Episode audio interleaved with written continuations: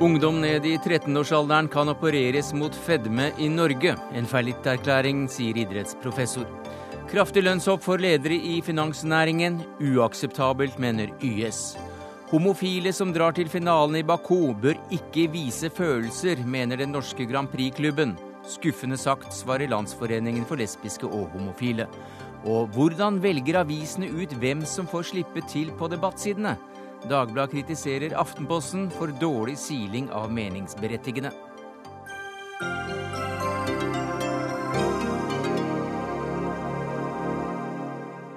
Ja, Det er noen av sakene i Dagsnytt 18 denne mandagen, der vi også skal snakke om skred. Men først til uh, ungdom og fedmeoperasjoner. Eh, for ved sykehuset i Vestfold har eh, ti tenåringer blitt operert mot fedme. Flere står i kø som en del av et forskningsprosjekt. Målet er å finne ut om ungdom ned i 13-årsalderen skal få tilbud om slike operasjoner. Og dette liker du dårlig, professor ved Norges idrettshøgskole, Jorunn Sundgodt Borgen. Hvorfor det? Så Vi er dessverre kommet i en sånn situasjon at eh, noen er så syke at de må opereres. Men det er jo en fallitterklæring at vi i Norge har kommet i den situasjonen. Vi vet at livsstilssykdommer kan forebygges, men her har ikke politikerne fulgt med. De har ikke ønsket å legge til rette for å drive forebyggende arbeid, og da kommer vi i den situasjonen her.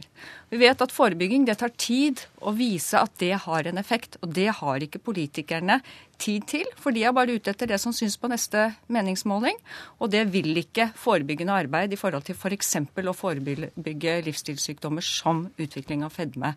De vil ikke få et raskt nok eh, resultat til at de har råd til å drive forebygging. Og det er tragisk. Og dermed så får man også noe som uh, man mener er forskning på dette, ved å operere et visst antall, for å se om dette kan bli en, en mer permanent uh, ordning etter hvert. Hva syns du om det? Jo, det er viktig. Altså Når vi først dessverre har kommet i dette uføret, så er vi jo nødt for å sette det i system. Og i, i et forskningsopplegg så vil man ha mulighet for å kontrollere for en rekke variabler som er veldig viktig når disse først skal opereres. Vi vet vet jo altfor lite eh, om konsekvensene av et slikt inngrep på barn og unge. Vi vet at voksne, det er bivirkninger knyttet til det å gjøre så dramatiske inngrep. Og når det gjelder Hei sann, her ble jeg litt ivrig. Når det gjelder barn og unge, så er det lite dokumentasjon. Et sted må man begynne, og jeg sier ja, vi er kommet i denne situasjonen, men det er en fallitterklæring. Og det er politikernes feil. Og en politiker, eh, det er deg, Jorud Aspell. Du sitter i helse- og sosialkomiteen på Stortinget for Arbeiderpartiet. Hva sier du til det? Ja, jeg er helt enig med Jorunn at, eh, at vi har kommet så langt at eh, unge gutter og unge jenter må gjennom en fedmeoperasjon så er det ikke bra. Eh, det kan jo være ulike årsaker til akkurat det. Derfor er det jo viktig at det blir eh, som Jorunn sier, at det blir iverksatt tiltak i veldig ung alder, allerede i barnehager, i barneskole osv. At vi har fokus på det her med aktivitet og fokus på det her med sunt kosthold. Og når vi ser faresignaler melde seg i tidlig alder, så bør det opprettes samtaler mellom både foresatte og barnehager og skoler osv. hvordan vi kan iverksette tiltak. Hva sier du til det på Borgen? Nei, Jeg er litt lei av å høre på at vi må ha fokus på. Nå må vi ha handling. Dette har vi hørt om i festtaler i veldig mange år. For 15-20 år siden begynte klinikere og forskere å rope et varsko i forhold til at vi snart var i situasjon eh, lik det amerikanerne opplever når det gjelder overvekt og fedmeutviklingen. Vi må ikke bare ha fokus på, vi må få lovfestet én time fysisk aktivitet i skolen hver dag, og den må være styrt av kroppsøvingslærere, altså som har kompetanse, slik at det kan legges til rette for alle barn. Også de som representerer eller kommer fra et hjem hvor det å bevege seg, det å drive eh, helsefremmende aktivitet, ikke har vært en del av oppveksten. Har vi kompetente kroppsøvingslærere, så vil alle oppleve at det er gøy å bevege seg og få en god følelse i forhold til det å være i bevegelse, og kanskje også et godt forhold til egen kropp, som er helt sentralt i forhold til å forebygge denne problematikken. hvilket eh, ansvar har da en, eh, en politiker som eh, f.eks. sitter i helse- og sosialkomiteen på Stortinget for Arbeiderpartiet for dette? Ja, altså, Det betales jo i bøtter. Hele helsebudsjettet går jo til å reparere vi kan ikke fortsette bare å reparere. Nå må noen av de midlene gå inn i det forebyggende arbeidet. Aspil. Ja, Det er jo det derfor vi har nå eh, kommet i gang med den nye samhandlingsreformen. Hvor vi måtte skal ha, eh, I stedet for å bruke alle pengene på reparasjon, så skal vi forebygge mer. Derfor bruker vi da flere titalls millioner for kommunene for å iverksette tiltak både i forhold til utsatte grupper eh, som har måtte, kommet i en feil posisjon. Men det er klart, det her kan ikke skje over natta, men det må gjøres et grundig arbeid over lang tid. Og Vi har jo etablert frukt og grønt. Arbeiderpartiet har stått i bresjen for det, men vi har sett andre partier ikke har gjort det. Vi ønsker å ha fokus på én times eh, gymnastikk på skolen hver dag, og det er helt nødvendig for at vi skal komme videre. Ja, Det høres veldig bra ut, men det må øremerkes midler, slik at de blir satt av til det de er ment å skulle brukes til. Og Da er dessverre erfaringen den at det går ikke til forebyggende arbeid. Men hvis noen nå viser handlekraft, så er jeg lykkelig, for da kanskje vi klarer å snu dette her. Men det må til en handlingsplan i forhold til fysisk aktivitet. Hvis ikke så taper vi dette løpet. Hva sier du om dette, Kari Jakkesson, som jeg, trening- og kostholdekspert? Jeg sier jo halleluja, men, jeg, eh, men det er Ja, selvfølgelig. Eh, men, men, og jeg er enig med Jorunn når man eh, er lei av ordet fokus. Det er jo bare å gjøre det. Det er jo ikke snakk om å sende en rakett til månen. Det å implementere en, og gjerne halvannen for min del, eh, times aktivitet i skolen hver dag, Lokalene er der, lærerne fins, så det er jo ikke veldig komplisert. Vi trenger ikke å vente til 2020 for å gjennomføre det. Eh, men så har vi de som allerede er fete. De som er eh, ikke bare overvektige, men fete. De er der allerede. Og jeg mener at det er ikke forsvarlig å operere en 13 år gammel, 14 år gammel eller til og med 18 år gammel person. Mm -hmm. Jeg forstår godt den legen som har en pasient eh, 45-55 år har allerede mange følgesykdommer og vil antageligvis dø innen kort tid hvis ikke de får en operasjon. Men en ungdom som har hele livet foran seg, har ikke hatt tid til å vurdere, er fremdeles i vekst, kan risikere å få alvorlige mangelsykdommer. De skal ta eh, tilskudd resten av livet hvis de har tatt en slankeoperasjon. Compliance, altså eh, evnen til å følge opp det, den, vel, den kan være tvilsom hos en ungdom fra 13 til 25 eh, år. Eh, jeg er veldig redd for de langsiktige helsekonsekvensene det kan få mm. for den enkelte. Men dette åpner dere opp for, eh, Bjørn Inge Larsen, om, eh, som helsedirektør, om enn på forsøksstadiet? For det første så har jeg lyst til å si at jeg er enig med disse to debattantene til høyre for meg. Det skulle bare mangle om ikke du var enig at det skulle mer gym og trim og opplysninger til. Men, men du åpner også for det, om, om, om enn som en del av et forskningssystem. Altså Det er jo slik at uh, alvorlig overvekt er jo også et alvorlig helseproblem. Noen for noen personer så er dette en dramatisk situasjon i forhold til helsen eh, deres. Og for en del voksne uh, så er fedmeoperasjoner noe man tyr til for å unngå veldig alvorlige helseskader og redusert livslengde. Men hva sier du til at eh, dere starter så tidlig at man da kan få enda større bivirkninger og starte så tidlig at det er helt uakseptabelt? Ja, Nå gjøres det forskning eh, i Norge når det gjelder fedmeoperasjoner ja, på, eh, på, ungdom. Ja. Eh, det tror jeg er riktig. Jeg tror det er viktig å hente inn kunnskap om hvordan fedmeoperasjoner eventuelt hos noen få kan bidra til å begrense alvorlig helseskade hos ungdom som er blitt veldig overvektig. Om det skal ha noen plass eh, i den norske helsetjenesten eh, i eh, framtiden. Men men det generelle budskapet som kommer her, nemlig at det at vi nå i Norge har fått 20% av befolkningen som er så overvektige at de passer til definisjonen fedme, det er jo noe vi ikke kan møte i helsetjenesten og på operasjonsbordet. Det er folkehelsepolitikk mm. som er svaret. Men dere åpner altså for forsøksoperasjoner eh, av, ja. av ungdom? Ja, det er riktig. Ja, eh, jeg eh, har jobbet med ganske mange veldig overvektige voksne og ungdommer. Og jeg må si at, og nå snakker vi ikke om godtjukk. Vi snakker ikke om sånn hverdagstjukk med litt for fin bil. Vi snakker om fete mennesker. Og jeg har aldri møtt én person som ikke har en lang historie. Og eh, Tina Avantis Johnsen hun har gjort en kvalitativ studie på slankeopererte fire år etter inngrepet. Eh, det er ikke lystig lesning. Eh, veldig mange som får en slankeoperasjon, de er ikke klar over at når de har gått ned 50% av overvekten, da regnes det som en suksess. Det betyr at hvis du har 100 kg overvekt og mister da 50 kg og er fremdeles 50 kg overvektig, mm. så er du liksom en suksess. Det er ikke det du ser for deg når du får en operasjon. Eh, du må ned i en ganske lav kroppsmasseindeks, helt ned i 28, for å få innvilget dekket fjerning av hud. Det er da med huden. Så det er egentlig, man kan diskutere om det er for lavt. Det er lavt. Huden i seg selv er det ingen som tenker på. Og når du har gått ned 80-90 kilo, har du mye hud som klasker hit og dit, som gir mange ekstra problemer med smerter, sopp osv. Og, andel eh, personer som begår selvmord etter en slankeoperasjon, er høyere. Antall dødsfall, altså, altså automatiske dødsfall, er lavere, men selvmordsraten øker.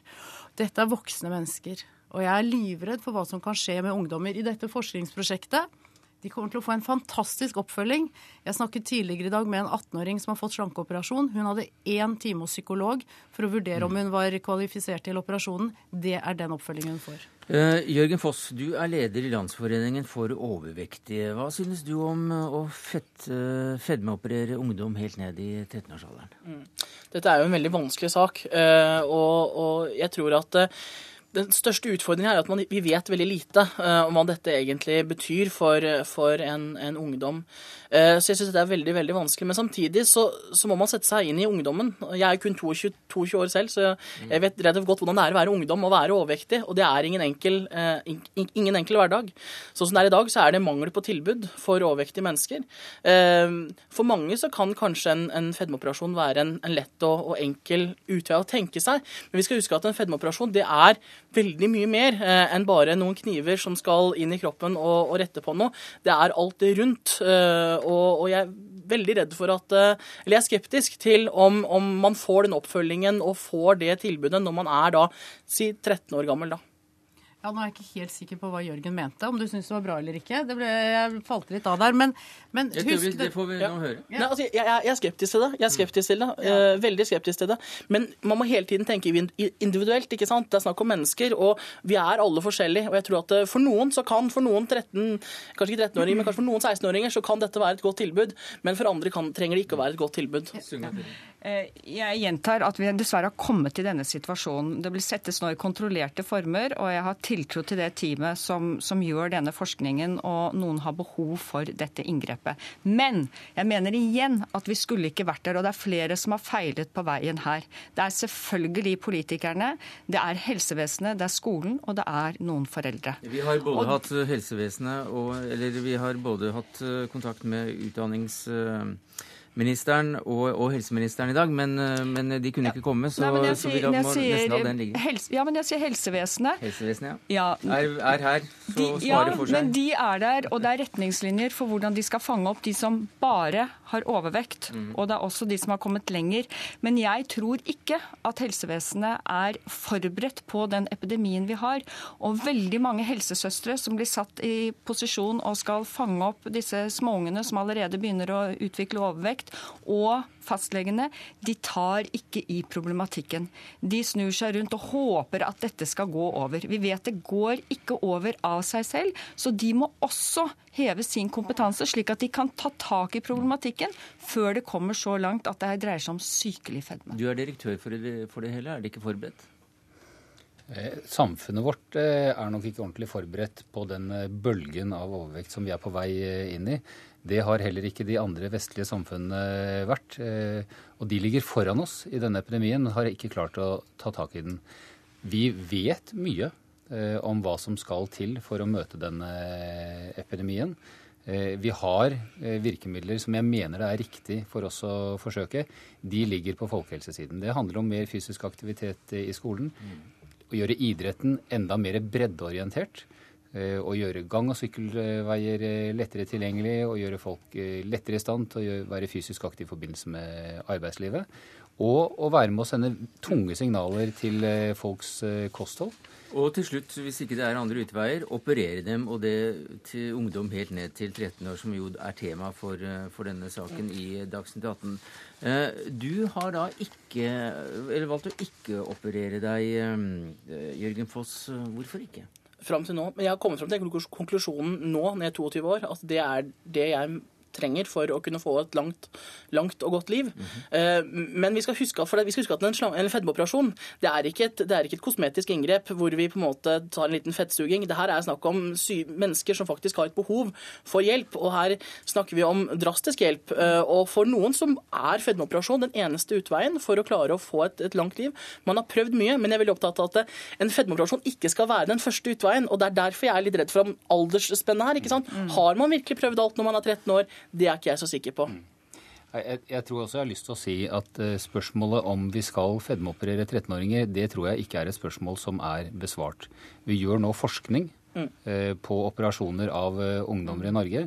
Og jeg tror vi skal se den og annen internasjonal forskning an før vi bestemmer oss for hva som skal være det varige tilbudet i norsk helsetjeneste. Er det mest å, å snevre inn magesekken? Er det den type operasjon dere sikter til? Det er det vanligste inngrepet. Nei, altså jeg må jo spørre hva er Det er greit, forskning kan gi svar. Men hva ønsker man å oppnå med det svaret? Skal målet være da at man skal kunne tilby det til så mange som mulig? Fordi overvektsepidemien, som man kaller det, den er, hvis man ikke gjør noen store politiske grep, et tapt slag.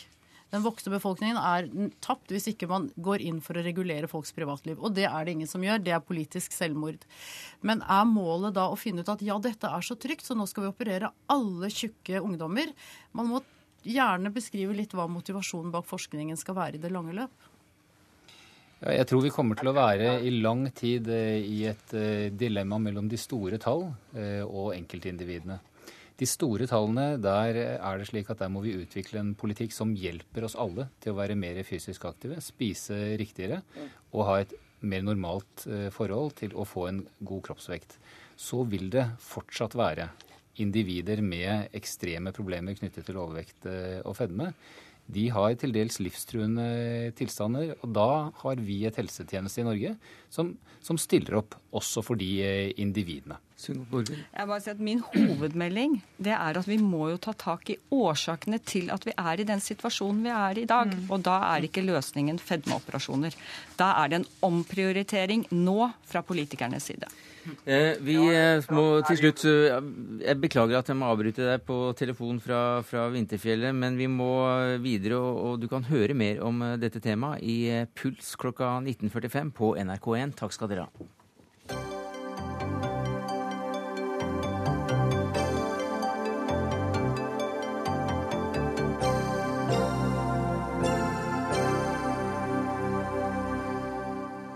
Ledere i finansnæringen hadde en lønnsvekst på 16,4% i fjor, mens lønnstakernes gjennomsnittlige lønn økte med 4,3% Slike forskjeller har før vist seg å gi føringer inn i lønnsforhandlingene. Og det er eh, et hovedoppgjør eh, nå om eh, få måneder. Så Bjørn Tore Stølen, sjeføkonom i Yrkesorganisasjonenes sentralforbund YS. Dere reagerer kraftig på veksten i lederlønningene. Hvorfor det? Um vi tror at en slik stor lønnsvekst for lederne vil skape lønns, altså lønnspress, lønnspress i oppgjøret vi får nå. Fordi at de, eh, de, ansatte i næringen, når de ser at lederne får de store lønnsøkningene, så vil det klart at de eh, vanlige ansatte vil også kreve sin rettmessige del av verdiskapningen. Så vi antyder vel at dette vil skape, kunne skape smitteeffekt i de næringene hvor, hvor lederne har tatt ut store tillegg.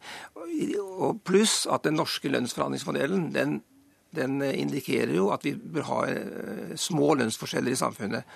Og Det er klart at eh, det er en del av den norske forhandlingsmodellen og den eh, forhandlingsmodellen vi har. Det er klart Når lønningene da, lønnsforskjellene øker, så vil det kunne skape et brudd med den, med den forhandlingsmodellen vi har i Norge. Jens Stoltenberg eh, ba, næringslivet om å holde igjen på lederlønningene da han talte på NHOs årskonferanse i januar. Hør her. Vi greier ikke å ha ansvarlige lønnsoppgjør blant lønnstakerne hvis det ikke er ansvarlighet og tilbakeholdenhet blant ledere.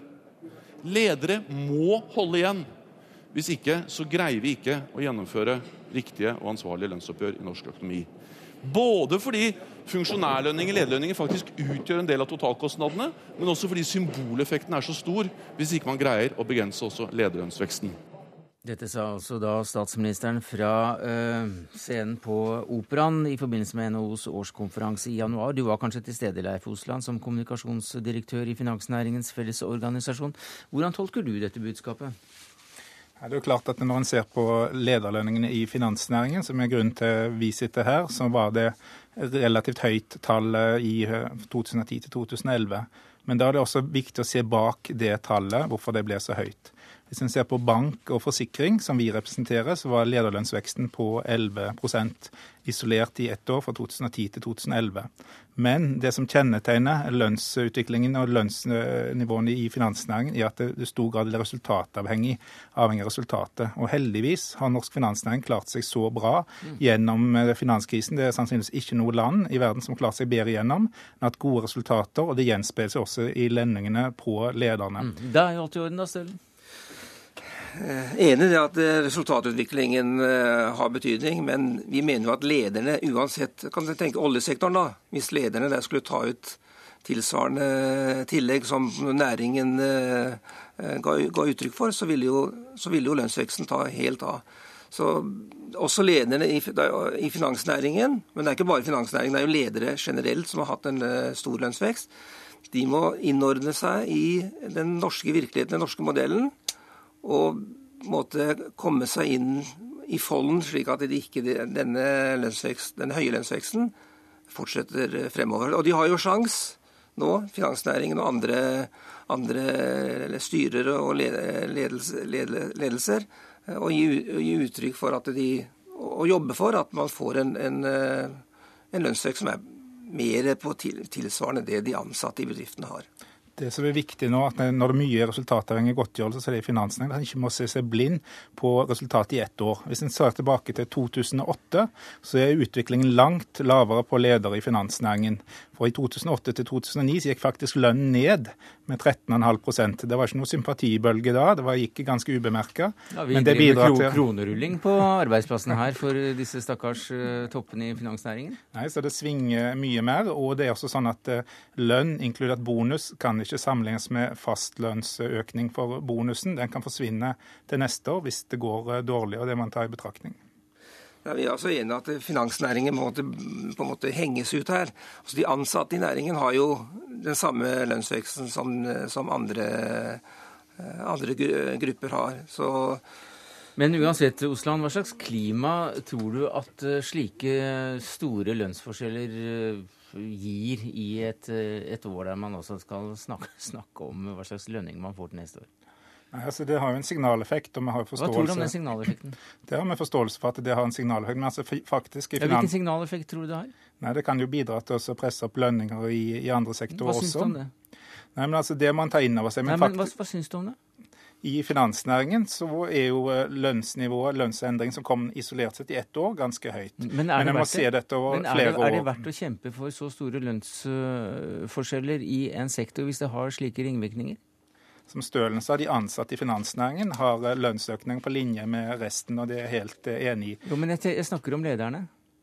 Ja, Lederne har faktisk blitt eh, i, fra 2011 16,4% var det altså i fjor. Og det vil ha ringvirkninger. Er det verdt det?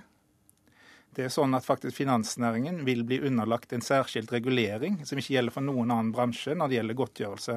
Det blir innført regler på tampen av 2010 som innebærer mindre risikotaking, mer langsiktighet, og som skal stimulere til mindre kortsiktig profitt. Jeg vet ikke hvordan du tolker det svaret. Det ser ikke ut på tallene at dette slår gjennom i lederlønningstallene i, i, næringen. Men jeg har lyst til å stille et spørsmål her. Eh, til, selv om du er programleder, så har jeg lyst til å stille et spørsmål til om eh, innebærer ikke dette omdømme, et omdømmeproblem for, for, næringen? Og hva kan næringen gjøre for å påvirke styre og ledelse til å måtte, eh, få en lønnsvekst nå fremover eh, som er mer på linje med det andre grupper har?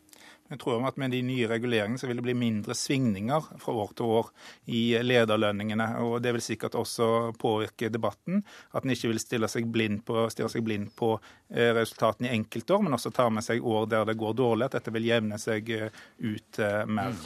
Men eh, Stølen, du mener vel heller ikke at eh, man skal ha lover som, som, regulerer lønningene helt her eh, i landet? Det er jo et oppgjør der markedet bestemmer, er det ikke det? Vi har, vi har frie lønnsforhandlinger mellom partene. Vi ønsker ikke lover. Men, men, vårt signal fra de tallene som kom fra TBU i dag, det er at lederne i næringene og de store bedriftene må kjenne sin besøkelsestid og måtte innordne seg sånn noenlunde i forhold til det andre grupper får. Takk skal du ha, Bjørn Tore Stølen, sjeføkonom i YS, og til deg, Leif Osland, kommunikasjonsdirektør i Finansnæringens Fellesorganisasjon. Kristine Nergård, du er forsker ved Fafo.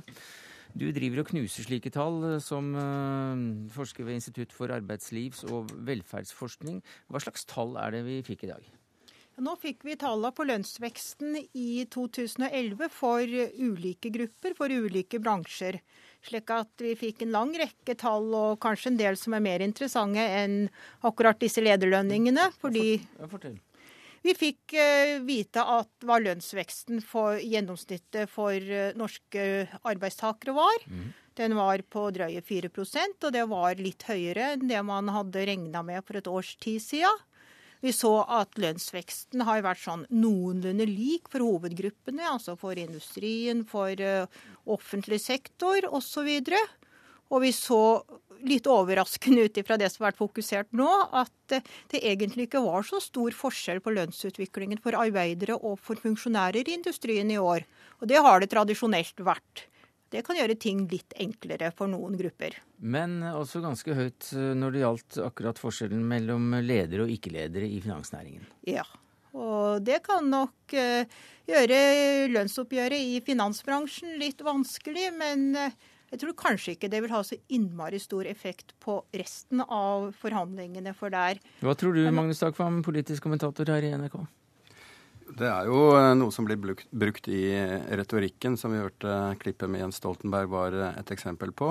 Eh, men jeg er enig i at det er ikke så formidable tall for lederne over hele linja at det tror jeg heller blir den store liksom, faktoren i dette oppgjøret. Hvem er det som ligger an til å bli vinner og taper i, i årets lønnsoppgjør? Hvis man ser på det i form av bransjer, så er jo hele denne, eh, dette framlegget i dag preget av en voldsom vekst i oljerelatert industri. Altså de drar fra både når det gjelder investeringer i penger og humankapital, det drar folk inn i den bransjen. Eh, så de er på en måte vinnerne, hvis du ser det sånn isolert sett når det gjelder både lønnsvekst og, og andel i økonomien så går det fram av tallene at de tradisjonelle lavlønnsgruppene som hotell, restaurant, eh, varehandel osv. har noe lavere lønnsvekst eh, enn de andre, og er da tapere i den forstand. Og da ut fra selvfølgelig et lavere lønnsnivå. Hvordan har partene posisjonert seg i forhold til dette nå? Det som skjer nå i dette oppgjøret, er jo at eh, altså Det starter jo med at NHO-sjef Bernander nå da etter disse tallene maner til moderasjon. Mm. Eh, på bakgrunn av den veldig sterke reallønnsveksten som vi så i fjor, 3% reallønnsvekst. Eh, og det som skjer i dette oppgjøret, er at vi får et forbundsvist oppgjør. I fjor var det jo NHO-sjefen sjøl som forhandla på vegne av privat eh, sektor. Nå er det eh, Norsk Industri, Stein Lier Hansen og Fellesforbundet som starter denne frontfagsmodellen. Og han har gått ut med å si at det er nesten ikke rom for noe sentralt tillegg i det hele tatt eh, i år. Fordi prisene er så lave, og det man allerede har fått eh, som kommer inn som lønnsoverheng fra neste år, er sånn at du kan gi null og, og, og likevel få reallønnsvekst. Så han sier ingen sentrale tillegg, men at de som har råd til det økonomisk, kan forhandle om lønnstillegg lokalt. Hva sier arbeidsgivertakerorganisasjonene som YS og LO til dette? Da? Altså, eh, det er jo forskjell Altså Fellesforbundet i privat sektor har eh, tradisjonelt på en måte vært med på en eh, sånn generell moderasjonslinje. Mm. Så problemet oppstår når vi får eh, forhandlinger som du er inne på, i offentlig sektor, stat og kommune, fordi det første oppgjøret ikke er den rammen man har kommet fram til da, vet man per definisjon kommer til å sprekke i løpet av høsten med lokale forhandlinger og lønnsglidning osv. Så videre. sånn at eh, det er noe av problemet med dette lønnsoppgjøret. At det er langt fra alt som kan styres gjennom et sentralt lønnsoppgjør. Både valutakurs, prisstigning, dette med oljesuget, på en måte. Alt det er faktorer som er utenfor de sentrale forhandlingenes makt. Så det legger et veldig press på parten. Hvem er det som kommer til å bli taper i årets lønnsoppgjør? Nei, altså, Det ligger vel an til at ingen tror det blir store penger i det hele tatt. Altså, det, På et generelt plan så, så, ser alle at dette blir ikke noen lønnsfest. Eh, så det er vanskelig å peke på noen enkeltstående tapere. Men jeg mener de som har lønnen sin bestemt av markedsmekanismene, vil jo eh, naturlig nok da dra ifra. Altså Der hvor det er så stor etterspørsel etter deres arbeidskraft at eh, arbeidsgiverne glemmer liksom allmennhensyn og betaler en høy lønn, de har jo en tendens til å dra ifra. Hvilke tall er det du eh, nå tripper og, og venter i eh, åndelig spenning på nå, Kristine Nergård, som forsker ved Fafo? Det er jo spennende å se hva LO sier når LOs representantskap skal komme med sine krav, eller vedta sine krav i morgen, er det vel. Eh, men jeg tror vel at dette lønnsoppgjøret også som man sier, at det er kanskje ikke så innmari mye penger å dele ut i de sentrale forhandlingene i privat sektor.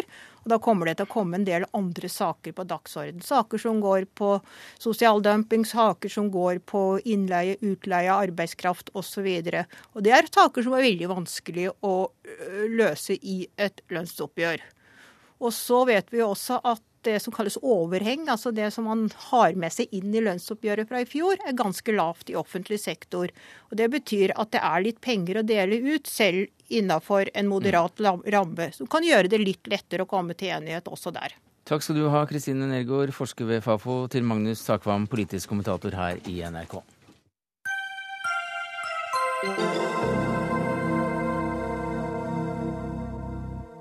Hvem er det som skal slippe til i eh, avisenes spalter, på debattsider, på kronikkplass? Hvem er det som får rett til å ytre seg som gjestekommentatorer og spaltist? Hvem er det avisene siler ut som premissleverandører, og som da blir en del av den viktige paletten av meningsberettigede personer i eh, alle valører, som et program som f.eks. Dagsnytt 18 er så avhengig av?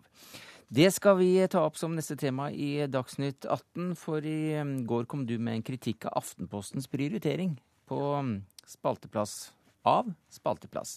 Fordi du gikk til angrep eh, på, også på debatt- og kronikkredaktøren der, Inger Merete Hobbelstad, journalist i Dagbladet.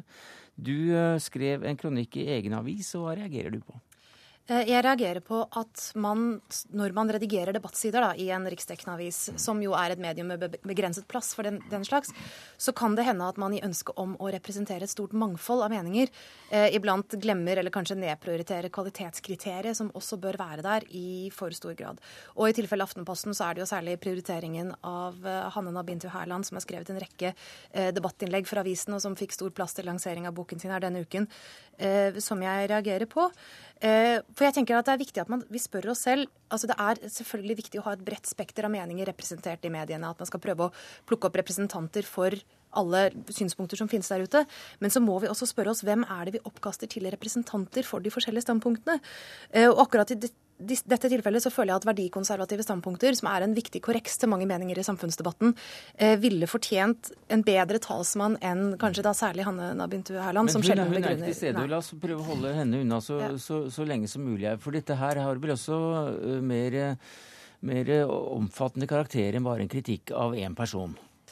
Eh, ja, det er klart dette er en tendens eh, i seg selv. Men altså, som sagt, jeg, jeg, har stor forståelse for det. For det er klart det må være en ambisjon for mm. mediene eh, at det er mange, at det er mange syn representert.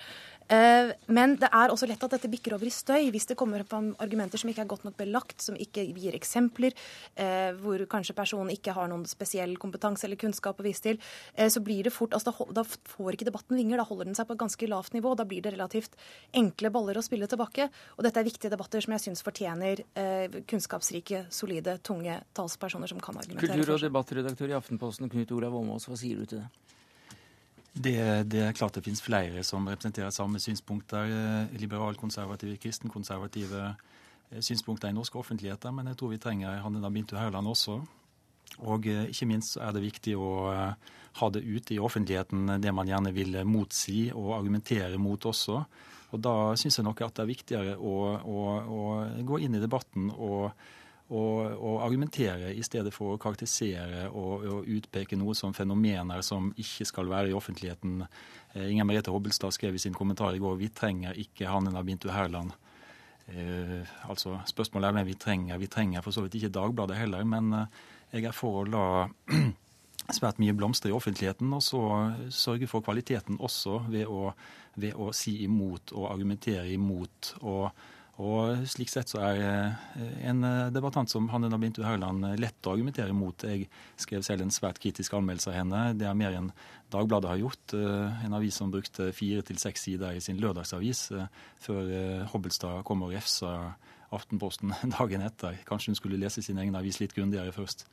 Eh, nå vil jeg først si at denne formuleringen min om at vi ikke trenger eh, Hanna Binte Wærland, for det første var litt for hard fra min side, helt klart. Og for det andre løsrevet fra sin sammenheng. Høres ut som selvfølgelig, altså som man regner henne som et slags overflødig person. Det er selvfølgelig ikke meningen. Hun skal få ytre seg, hun som, som alle andre. Eh, hva angår dekningen i min egen eh, avis, så var det en tilfeldighet at uh, et, et sammenfall at denne, dette portrettintervjuet kom på trykk. Tilfeldig og tilfeldig. Det ser ut som det i hvert fall er noen som har brukt litt tid på å tegne henne her. Ja, det, det tror jeg nok helt klart har skjedd. Eh, men jeg syns likevel ikke at vår dekning av henne og hennes standpunkter kan, med, kan, sammenlignes med hvordan hun har blitt bygget opp som samfunnsdebattant i Aftenposten gjennom syv år. Ja, bygge opp og bygge opp. Hanne Navintu Herland er trykt i en rekke aviser, så i så fall så er det et eksempel på kollektiv mangel på dømmekraft. Og, og det kan godt være, altså. Det, vi må være åpne for kritikken. Men men jeg syns at eh, dette minner om et gravalvor, en politivirksomhet og en hakking som, som ja, Jeg lurer på om den er så fruktbar, om den skaper en levende samfunnssamtale. Eh, eh, poenget er ikke først og fremst at det er for mange som deltar i norsk offentlighet. Kanskje er det for få. Og vi kan ikke alle snakke som og argumentere som generalsekretærer eller kulturjournalister. Da blir det veldig mm. eh, forutsigbart og kjedelig. Så jeg vil ha mangfold i den offentlige debatt, og jeg er helt enig med Hobbelstad. Eh, vi ser etter kvalitet. Eh, selvfølgelig gjør vi det, og vi prøver å sjekke fakta. Av og til svikter det, men eh, Eh, da har vi en fungerende, åpen, demokratisk offentlighet som, eh, som, vi kan være stolt av i Norge, som eh, er egnet til å korrigere veldig mye av dette. Politimester Hobbelstad. Jeg, jeg, vil ikke helt si det. Jeg vil heller si at det er et problem at folk bare får, altså får oppkaste seg selv til representanter for en gruppe uten at de innehar en formell posisjon. Og jeg vet jo at det er verdikonservative som også er frustrert over at den debattanten min nå snakker, om, snakker på vegne av dem. Uh, nettopp at det er en begrenset plass, og det skjer uansett en siling, og at man da må ha Eh, som sagt, perspektivet mm. på eh, mm, -hmm. Enig i det. og Jeg er ikke, sant å si, ikke så sikker på hvem Herland eh, selv har, har, ment at hun er representant for. Kanskje er det vi i mediene som ser henne som representant for noe. Men én ting jeg syns er påfallende ved det Hobbelstad sier, og, og, og, det skjer gang etter gang i slike diskusjoner som dette, det er at man legger merke til det man mener er svak kvalitet i argumentasjonen nesten bare hos de man er uenig i. Og det er ikke tilfeldig at dette kommer når han en av Bintu Herland er ute. Hun er en rød klut for store deler av norsk offentlighet. og jeg har vært i så mange sammenhenger også med ledende personer i norske samfunnet der hun blir regelrett latterliggjort stempla og eh, karakterisert, og det er ikke en slik offentlighet vi trenger. Nå er mine grunner til å si det jeg gjør, faktisk akkurat det motsatte av dette. Jeg vil gjerne at perspektiver som Hanna Bintu Hærland skal være representert i offentligheten. Det er en viktig korreks til forskjellige meninger som finnes der ute. Eh, det jeg mener er at det er andre meningsbærere i samfunnsdebatten som målbærer disse synspunktene, eh, f.eks. som kritiserer ensrentingen i norsk offentlighet, som setter spørsmålstegn ved oppløsningen av kjernefamilien, altså ved eh, narsissisme i samfunnet, om det går utover pliktfølelsen osv. Men det er andre som gjør dette på en så mye bedre måte enn henne, og da blir det bedre debatter. Du vet hva, Knut Olav Åmås, du ber om ordet, men jeg får vite at eh, vi må avslutte her. For eh, Inger Merete Hobbelstad, det er noe som river og sliter i henne, for det er et viktig annet eh, møte som, som er på gang. Men takk skal du ha, og takk til Inger Merete Hobbelstad, journalist i Dagbladet. Dagsnytt 18 alle hverdager klokka 18.03 på NRK P2.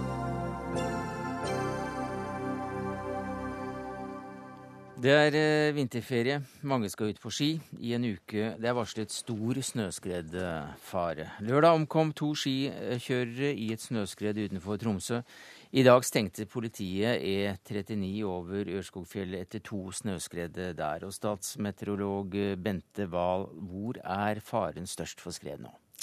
Faren er nok størst i de vestlige fjelltraktene i Sør-Norge. Der har de fått uh, veldig mye nedbør i dag, og det har vært mye vind. Men uh, skredfaren vil nok gå ned til i morgen, for da blir det atskillig mindre vind, og det blir uh, mye mindre nedbør, sannsynligvis ikke noe nedbør i det hele tatt, så da vil den gå ned. Men så får vi nye lavtrykk videre utover uka. Onsdag en ny runde, og da vil nok skredfaren igjen gå opp. Hvordan ser du at skredfaren går opp og ned når du, når du leser kartet?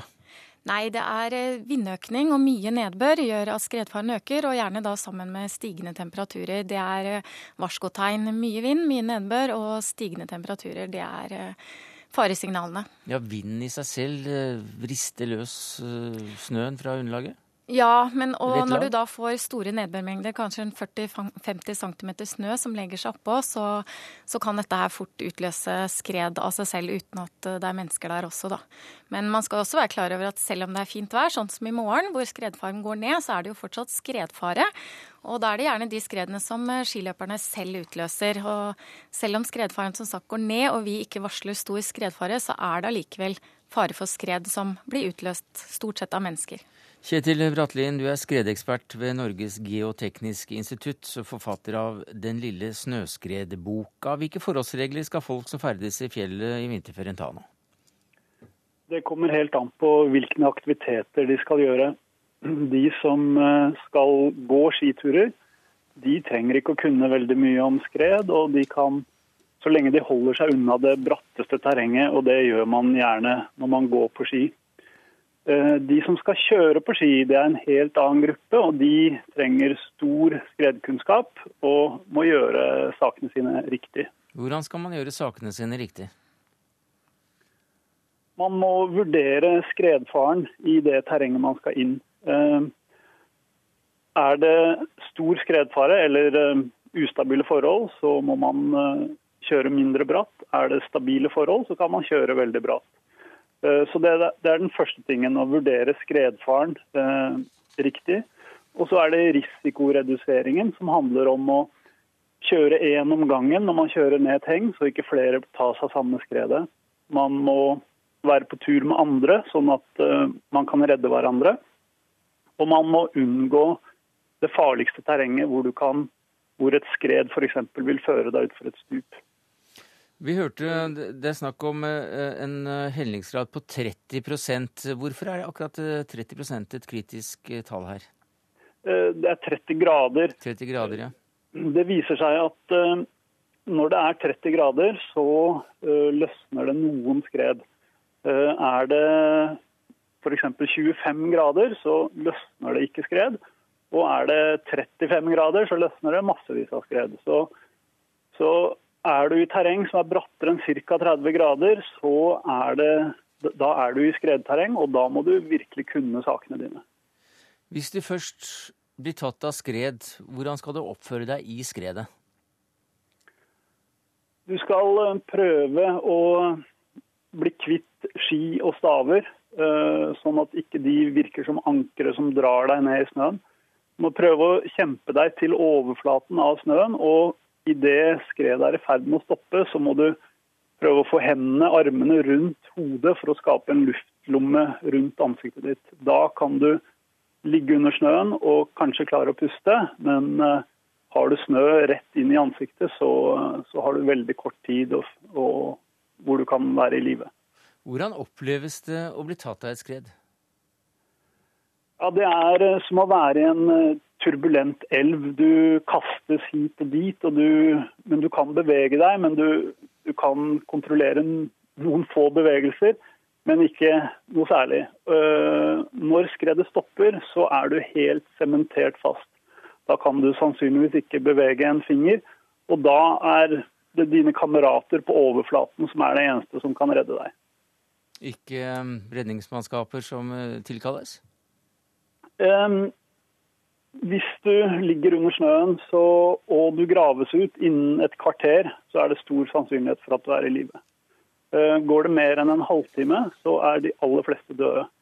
Og skal organiserte letemannskaper eh, varsles og dra ut og lokalisere deg og grave deg opp, så tar det mer enn en halvtime. Så det er kameratredningen som er det reelle håpet eh, som vi har. Bente Wahl, du snakket om lavtrykk eh, som står i kø. Vil vi se dem innover eh, Fjell-Norge i løpet av vinterferien? Vi gjør nok det. Som sagt, det kommer enda en ny runde i Sør-Norge på eh, på onsdag. Og det går også noen nordover. En del bygere både i Nordland og i Troms. Og kommer en ny runde igjen eh, på torsdag også, så det er nok fare hele tiden for eh, snøskred. Eh, men som sagt, vi varsler stor snøskredfare når det er værmessig økning i skredfaren, men det er jo skredfare selv om det er fint vær. Og det er ofte da de største ulykkene skjer, for da er folk ute. Når det er dårlig vær, så holder de seg inne. Så når det er fint vær, men allikevel moderat skredfare, så er folk ute, og da går skred som blir utløst av mennesker. Takk skal du ha, Bente Wahl, statsmeteorolog ved Meteorologisk institutt. Og til deg, Kjetil Bratlien, skredekspert ved NGI.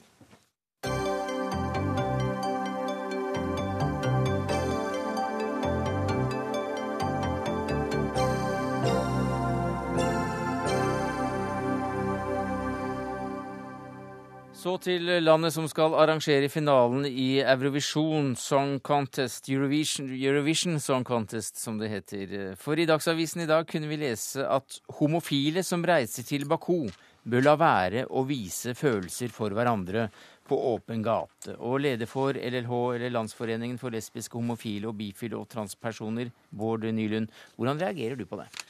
For det første så har jeg forståelse for at uh, man uh, ber om at man ikke på individnivå skal ta den kampen om å gå i rette mot et regime som Aserbajdsjan, men jeg mener jo at det er feilslått å mene at eh, man ikke på noen som helst måte skal synliggjøre at man er homo når man drar til eh, Baku for å delta i den internasjonale eh, finalen i Melodi Grand Prix. Jeg tror det er relativt få i Europa som tror at det blir en homofri sone.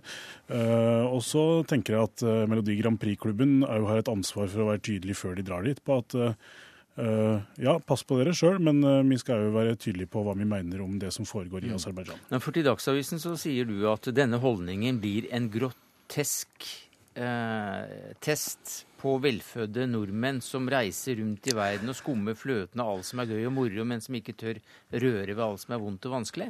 Ja, Det handler vel ikke først og fremst om, eh, om utsagnene som eh, går på det å holde hverandre i hendene i gata, men det handler om at eh, jeg syns at Grand Prix-klubben i Norge, og i likhet med andre klubber og EBU i Europa, har vært forferdelig slappe og ganske feige i forhold til at de drar dit i følge og flokk fra europeiske land som har, mye, som har det mye bedre enn det mm. folk i Aserbajdsjan har.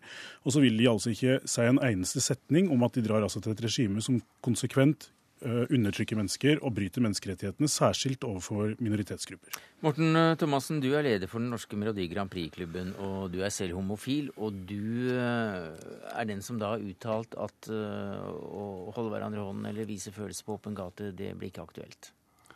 Altså det gjelder jo generelt over hele verden, der eh, homofile har mindre rettigheter enn i Norge. og ja, Selv i Norge har jo folk som har gått hånd i hånd blitt slått ned, så det skjer jo dessverre over hele verden. og Det er jo en generelt råd om å tilpasse seg de lover og regler og den kulturen som er i det landet man drar til, uansett hvor man drar i verden. Det er ment som et godt råd, og det gjelder jo ikke bare spesielt Aserbajdsjan. Men nå er Aserbajdsjan oppe i nyhetene siden vi skal dit og på Grand Prix-finale.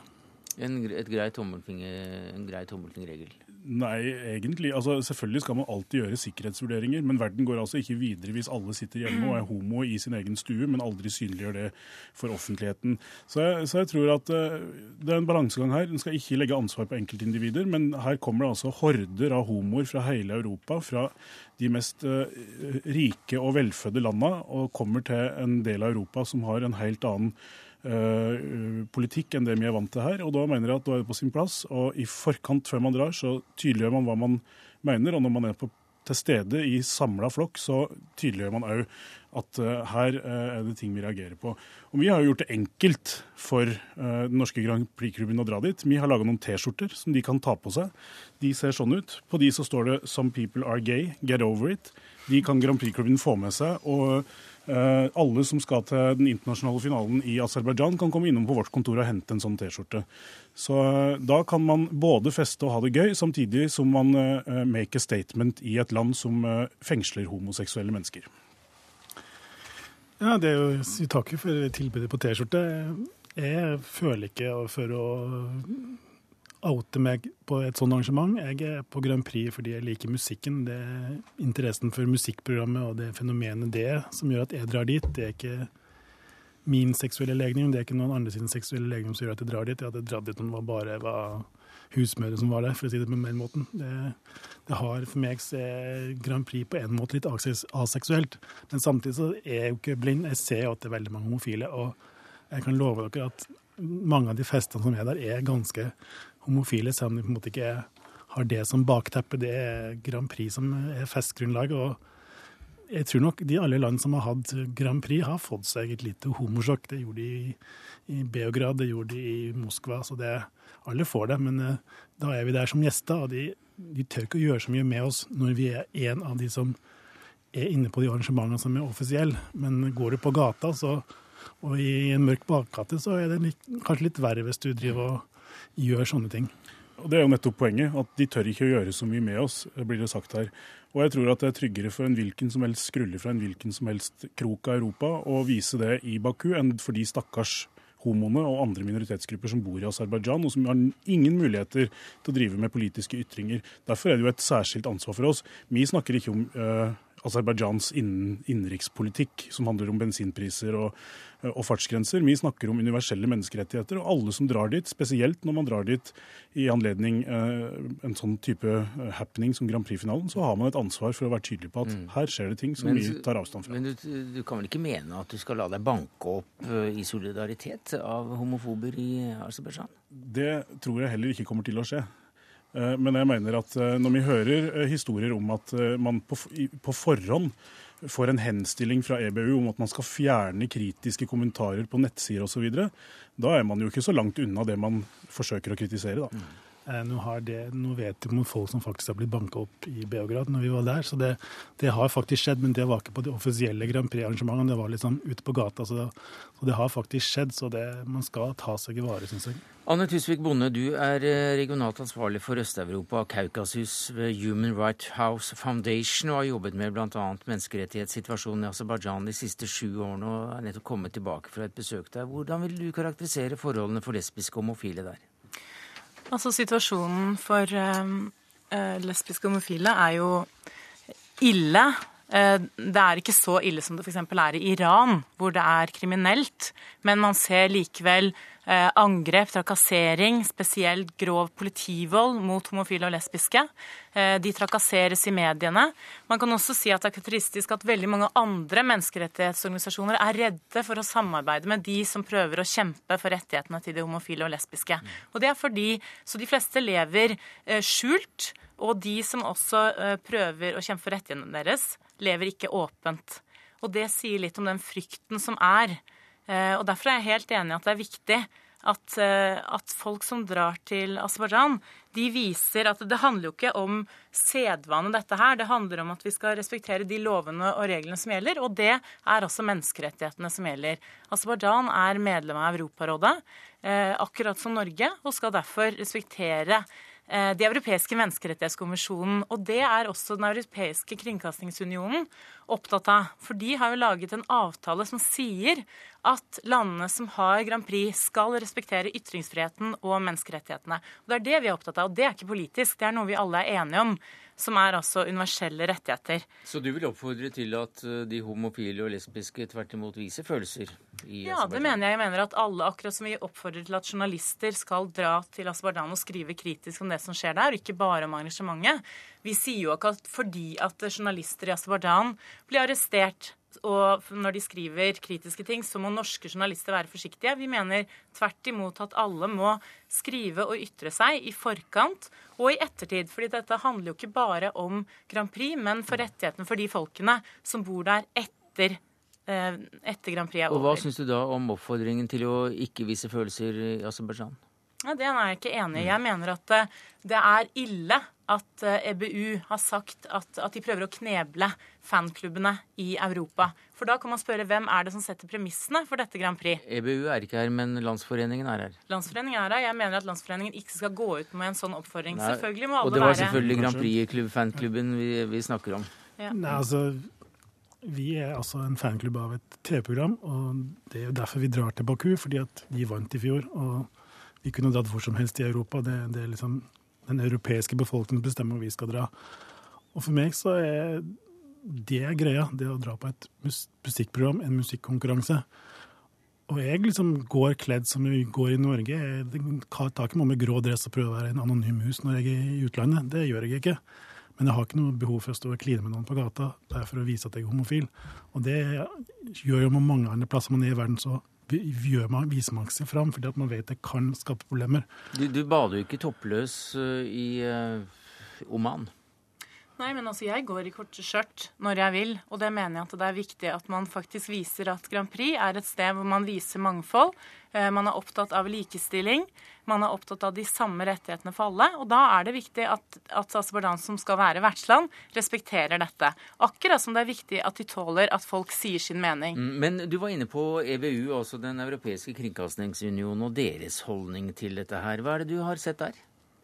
Nei, jeg mener at det at de burde gått mye tydeligere ut i forkant og sagt at uh, Aserbajdsjan skal løslate politiske fanger, godta og la folk få lov til å protestere på gatene, få lov til å ytre seg som de vil. For i Aserbajdsjan så kan man altså bli arrestert for det man sier, meningene mm. man har. Men man har altså i stedet gått ut til eh, de lokale fanklubbene rundt omkring i landene og sagt at hold dere unna politikk, er det ikke slik? De har iallfall henstilt oss om å holde oss unna det. for det Grand Prix skal være et upolitisk arrangement. Det er ikke lov med politisk ytring i tekstene mm. engang på melodiene. Så det Hva syns du om det?